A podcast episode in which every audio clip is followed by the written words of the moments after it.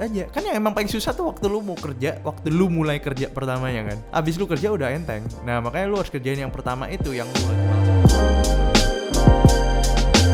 bikin goal-goal baru yang yang lu nggak even nyadar kenapa gue bisa sepede ini untuk gue bikin next step goal atau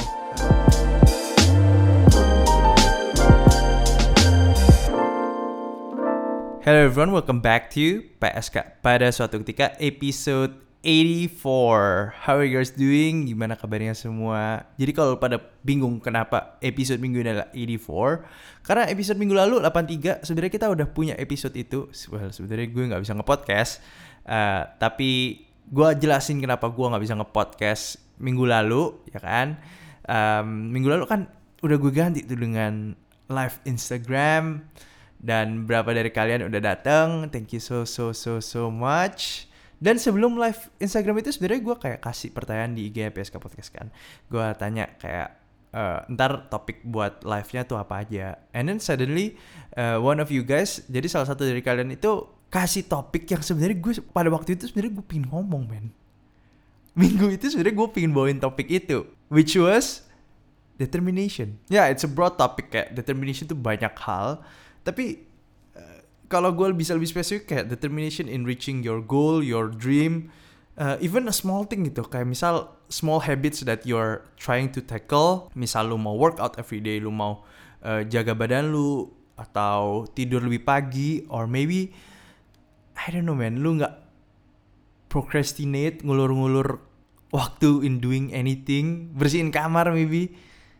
We are, we are talking about that. We're talking about like kita bakal ngomongin tentang determination itu apa? Based on of course experience gue pengalaman gue and uh, buku-buku yang udah gue baca. Kalau pada pengen tahu buku apa aja ntar lu pada bisa DM gue deh gue kasih tahu berapa main buku luar sana. So ya yeah, uh, pada satu awkward banget ya. Pada suatu ketika. Alright jadi pada suatu ketika oke okay, so many of you uh, already know my story lah ya. Kalian udah tahu cerita gue bagi lu yang udah di PSK, dengan di PSK gue lama pasti udah tahu dari awal hidup gue sampai akhir. Uh, tapi for the sake of this episode, I'll, I'll give you like two minutes recap, oke? Okay? Uh, jadi kalau lu pada belum tahu, gue tuh dulu dari college, waktu di college gue tuh gue pindah major, ya kan? Waktu itu gue nggak tahu major apa, terus gue akhirnya pindah karena gue ngerasa ini bukan passion gue dalam tanda kutip, and then I I I didn't feel really like it and I also like kind of failed bisa dibilang seperti itu. Uh, akhirnya gue pindah major ya kan? In which uh, gue harus tambah setahun in which gue ngerasa lebih fail lagi. Oke okay. nah abis gitu abis setelah gue pindah major gue magang. Magang yang sesuai sama major gue pada saat itu. Major baru gue tentunya. Nah setelah gue magang gue ngerasa aduh ini kerjaan gue nggak bisa men. Gue nggak gue nggak suka kerjaan kayak gini. Ini bukan passion gue. Dan lagi akhirnya sebelum gue lulus uh, gue ngambil kayak semacam coding bootcamp. Coding bootcamp tuh kalau nggak salah di Indonesia tuh ada kayak Hactive 8 atau Purwadika Startup School ya. Ya pokoknya yang kayak gitu-gitu deh yang lu belajar coding 6 bulan terus lu bisa masuk startup-startup kayak Gojek Tokped segala macem. Nah gue akhirnya ngambil itu dan gue berharap gue bisa dapet kerjaan di uh, sektor teknologi ya. Specifically web development pada saat itu. Oke. Okay. Dan akhirnya gue excited, akhirnya gue ternyata harus balik Indonesia, visa gue masalah. Dan akhirnya gue pengen kerja di Jakarta. Kerja di encoding.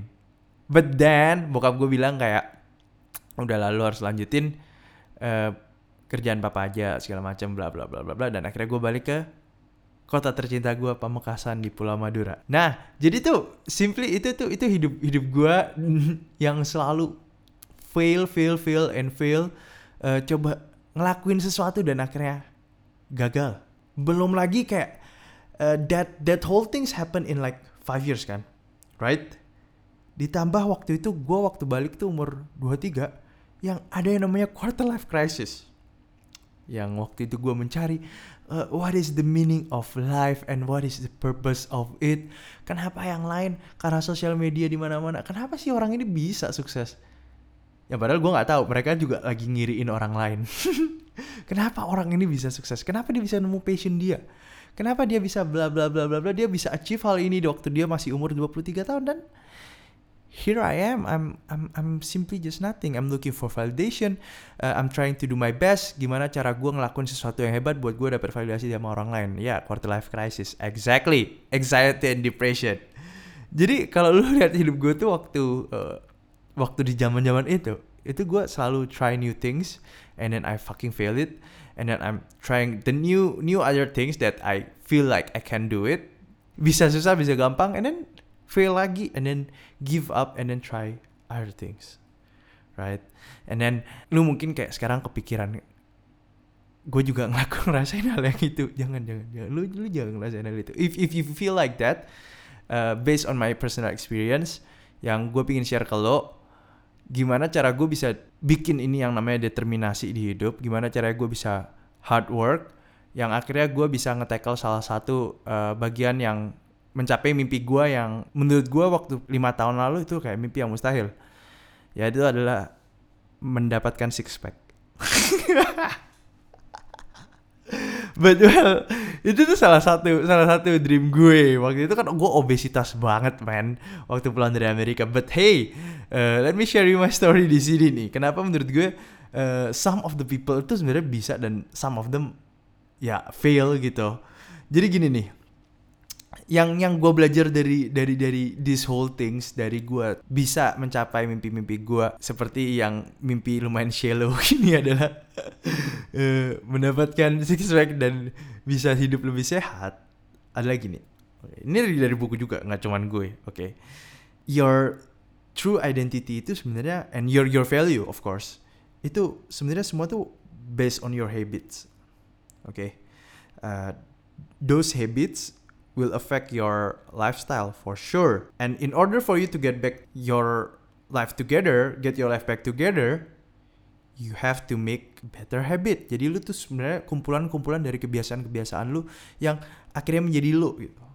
Jadi lu harus benerin tuh hal-hal kecil yang yang yang yang namanya kebiasaan-kebiasaan bagus dan buruk ini. Dan tentunya ada di hidup lu ada ups, ada downs ya kan? Nggak mungkin hidup orang gue udah sering banget ngomong tentang hal ini kan. Ada saatnya lu lagi jaya-jayanya terus ada saatnya lu lagi kayak bener-bener hidup lu hancur cur cur cur pasti itu selalu ada. Sampai lu mati selalu ada ups and downs. Dan uh, yang gue belajar adalah ups and downs lu itu sebenarnya hasil dari habit lu. Waktu lu down habit-habit lu jadi kayak berantakan banget ya kan? Waktu lu up lu bener-bener on point lu punya banyak habit mindset lu lagi bener value di hidup lu lagi bener simply ups and downs itu karena karena habit lu. Kalau lu baca, oke, okay, kalau lu baca uh, semua buku tentang habit, tentang personal health, even business books and many other things, what I found was lu tuh pasti disuggest to do a small things. Lu tuh pasti di uh, suggest to do nggak langsung kayak misal keluar job lu, lu langsung bikin perusahaan, gak mungkin men lu pasti suggest to do a small things. Strongly advice malah sama mereka itu. Karena waktu lu ngelakuin hal kecil ini sebenarnya itu bakal jadi kayak domino effects. Jadi kayak misal, misalnya, misalnya. Kalau lu di kantor, lu tuh selalu kelarin, lu harus selalu kelarin kerjaan yang paling gampang. Gua nggak tahu lu bisa dilihat atau enggak, tapi gue bisa dilihat tentang hal ini. Waktu gue kerjain hal yang gampang, gue ada good feeling about it. Nah, setelah gue ada good feeling about it, gue jadi uh, lebih semangat buat lanjutin buat tackle kerjaan-kerjaan berikut-berikutnya. Dan gue lebih pede gitu loh. Gue lebih kayak ngerasa in the mood aja. Kan yang emang paling susah tuh waktu lu mau kerja waktu lu mulai kerja pertamanya kan. Abis lu kerja udah enteng. Nah makanya lu harus kerjain yang pertama itu yang lu lagi malas-malasan lu kerjain kerjaan paling gampang. Di situ ntar bakal jadi kayak semacam domino effect. Makanya tuh kenapa guru lu selalu bilang ke lu kalau unas kerjain dulu yang paling gampang. Ini nih ini ini salah satu yang gue baru ngerti sekarang. Hmm masuk akal sih. Masuk akal. Masuk akal. Kalau semisal lu langsung pingin kayak lompatnya banyak gitu ya.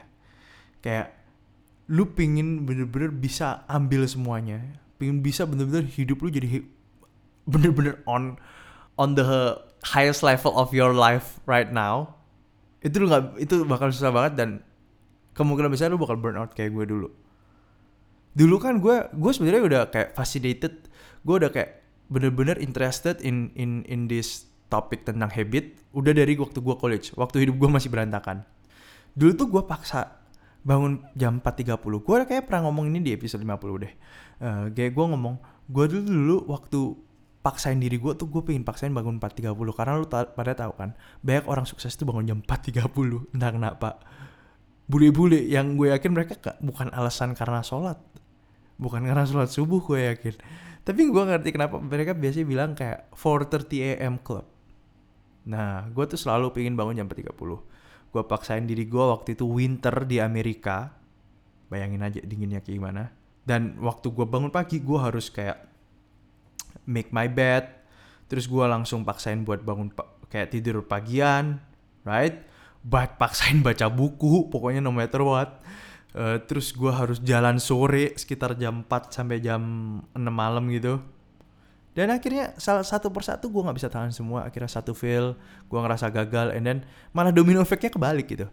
Uh, gue nggak bisa pertahanin. Dan ini gue fail misal kayak make my bed itu fail lanjut lagi ke jam 4 sampai jam 6 gue harus antara jam itu gue harus jalan sore akhirnya fail lagi. Dan akhirnya gue ngerasa gue give up. Kayak gue selalu beranggapan pada saat itu adalah orang-orang yang sukses ini mereka they're just simply gifted aja. Mereka tuh cuman ya udah bertalenta berskill kayak gitu emang punya kapabilitas kayak gitu dan gue nggak punya kapabilitas kayak gitu gimana? Yang lucu adalah sekarang gue bangun jam 4 pagi men. Every single day. Dan gue nggak ngerasa tiba-tiba kayak gue kok gue bangun jam 4 pagi terus ya? Akhir-akhir ini malah parah jam 3 jam 3.30 gitu kok udah bangun men.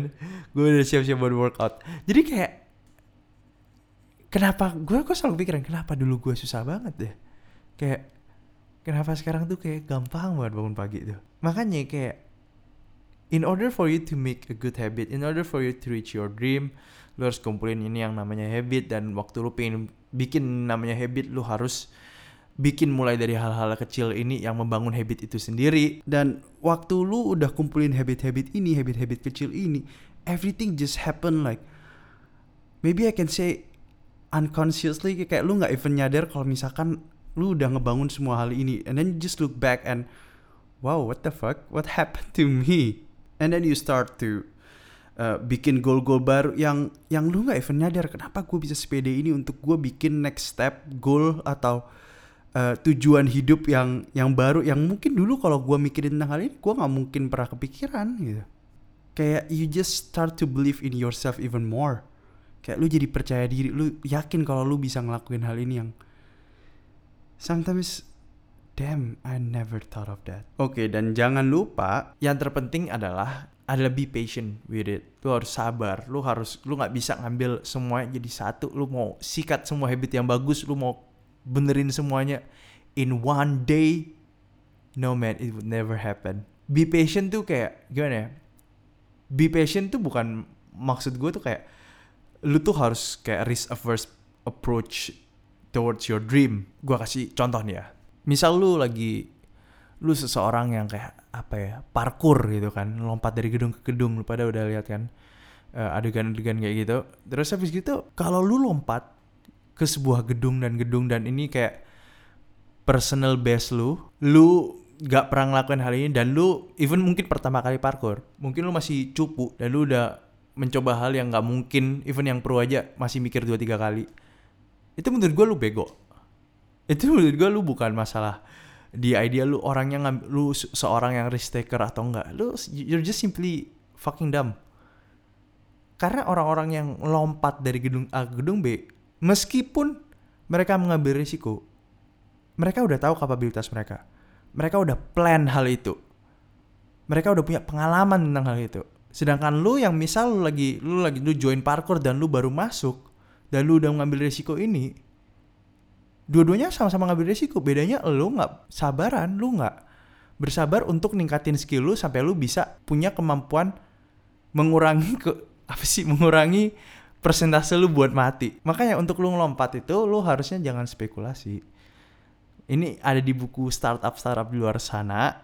Apalagi di Lean Startup dia mereka uh, Eric Rice juga bilang kalau lu lompat itu lu lu harusnya udah tahu ke depannya. Lu udah udah punya datanya, lu udah tahu uh, plan plan plan ke depannya.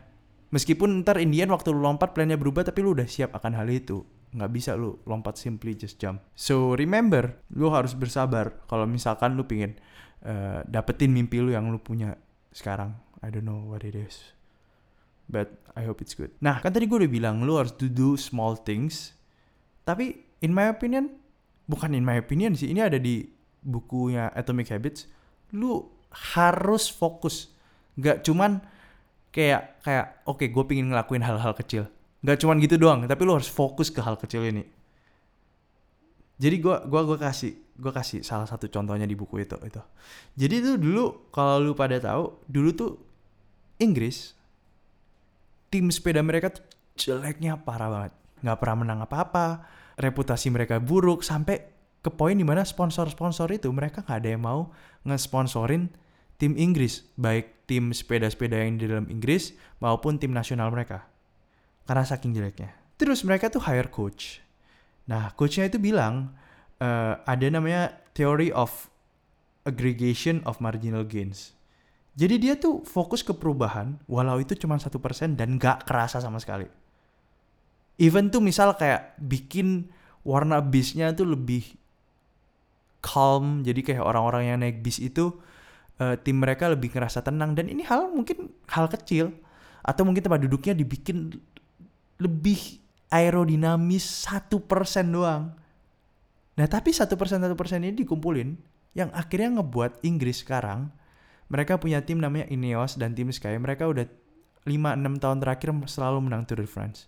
Dan tim nasional mereka selalu menang at least bronze, gold, silver pasti ada tiap olimpiade.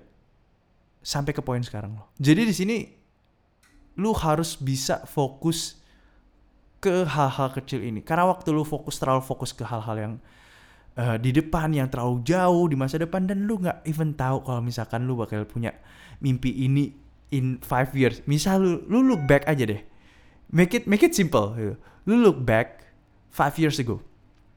Uh, or maybe like ten years ago gitu. Apakah lu punya mimpi yang sama uh, dengan lu yang punya sekarang? Apakah passion lu sama sama yang lu katakan passion sekarang? Kalau sama ya, then it's good. But sometimes it's really hard buat lu keep up uh, with your own definition of passion. Kadang tuh susah banget sih. Jadi menurut gue jangan terlalu fokus ke masa depannya gitu. Dan kalau lu terlalu fokus sama masa depannya dan lu akhirnya terbuai dengan mimpi yang lu mungkin bisa capai in 5-10 years, you're not being present. Lu tuh nggak ada di dunia yang sekarang. Padahal the only thing that exist itu sebenarnya adalah dunia yang sekarang. Makanya lu harus being present, fokus ke hal-hal kecil ini yang mungkin lu lagi pingin ngelakuin sekarang. I don't know man, mungkin mimpi lu adalah uh, do a marathon, do Ironman, atau mungkin lu bisa ngegambar, atau lu mungkin bisa jalan-jalan, tapi fokusnya semua orang boleh punya mimpi gede dan semua orang boleh punya mimpi apa pun tapi lu harus fokus ke hal-hal kecil in order for you misalnya kayak oke okay, gue pingin lari maraton uh, eh, gue bakal fokus gue harus bisa lari 5 kilo dalam waktu setengah jam. Nah, sebenarnya nggak nggak pada hubungan sih. But anyway let's just say that your like three months goal lu harus fokus di situ aja. Lu lu maraton tuh jadikan nomor dua lu. Lu harus bisa ngelakuin hal itu dulu. Bikin goal-goal kecil yang bakal ngerubah hidup lo and uh, sebenarnya ada one one last thing uh, yang sebenarnya gue mau ngomongin sih ini kenapa kadang orang bisa fokus ke mimpinya bisa lama banget bisa nggak stop stop gitu never give up. Uh, waktu mereka give up mereka bangkit lagi. Itu simply mereka karena mereka punya alasan kenapa mereka melakukan hal itu. Mereka menemukan the why in that one thing that they really wanna do. Jadi kayak lu pada bisa baca bukunya Simon Sinek. Kalau pada nggak tahu Simon Sinek dia punya buku tuh judulnya Why is it? Pokoknya something about why gitu. Uh, di buku itu dia jelasin banyak orang ngelakuin sesuatu tuh mereka nggak pernah tahu alasannya kenapa. Kenapa lu mau ngelakuin? Kenapa lu punya mimpi ini? Kenapa? Lu harus jawab itu dulu. Waktu dulu gue gue gue pingin banget bikin startup dan gue jadi kayak the next misal gue kelarin funding A B C gitu kan masuk ke majalah. Kenapa gue pingin hal itu? Karena gue pingin mengais validasi. karena gue kan selalu gagal kan dan and I was trying to find something to prove to people that I'm not I was not a loser. Makanya lu harus tahu. Dan menurut gue itu why gue waktu itu salah banget. Tapi tiap orang beda-beda gitu. Gue nggak bisa ngeli ngelihat why lu itu bener atau salah karena tiap orang tuh jelas beda. Dan mungkin alasan yang lu punya why do you wanna be X ini mungkin bagi gue kayak dumb tapi mungkin lu bisa, bisa aja kayak oh menurut gue ini alasan kuat kenapa gue bisa terus-terusan gue nggak give up untuk gue capai mimpi gue jadi lu harus tahu hal itu. Kenapa lu mau lari maraton? Lu mau challenge yourself. Kenapa lu tiba-tiba bikin jadi vegan? Karena mungkin lu sayang sama binatang or environment. No matter what, lu harus temuin why-nya kenapa. Dan ini adalah alasan kenapa gue masih sampai sekarang bikin podcast for two years sebenernya gue lumayan lumayan lumayan jenuh sih minggu lalu. Lumayan kayak apa gue stop aja bikin podcast? Kayak gue nggak menemukan funnya gitu. Dan gue lumayan, lumayan uh, gak gak seseru dulu gitu. And then I ask myself and then uh, I keep asking myself like why did I even start a podcast? And then that's the reason why I still make another episode episode 84 so yeah that's it for the podcast I guess. Uh, nothing much. Don't forget to follow PSK Podcast. Don't forget to follow uh, I guess that's it. Aduh kenapa jadi melo banget ya abis gua ngomong tentang hal tadi. But anyway yeah thank you so much for listening guys. I'll see you guys next week. And see ya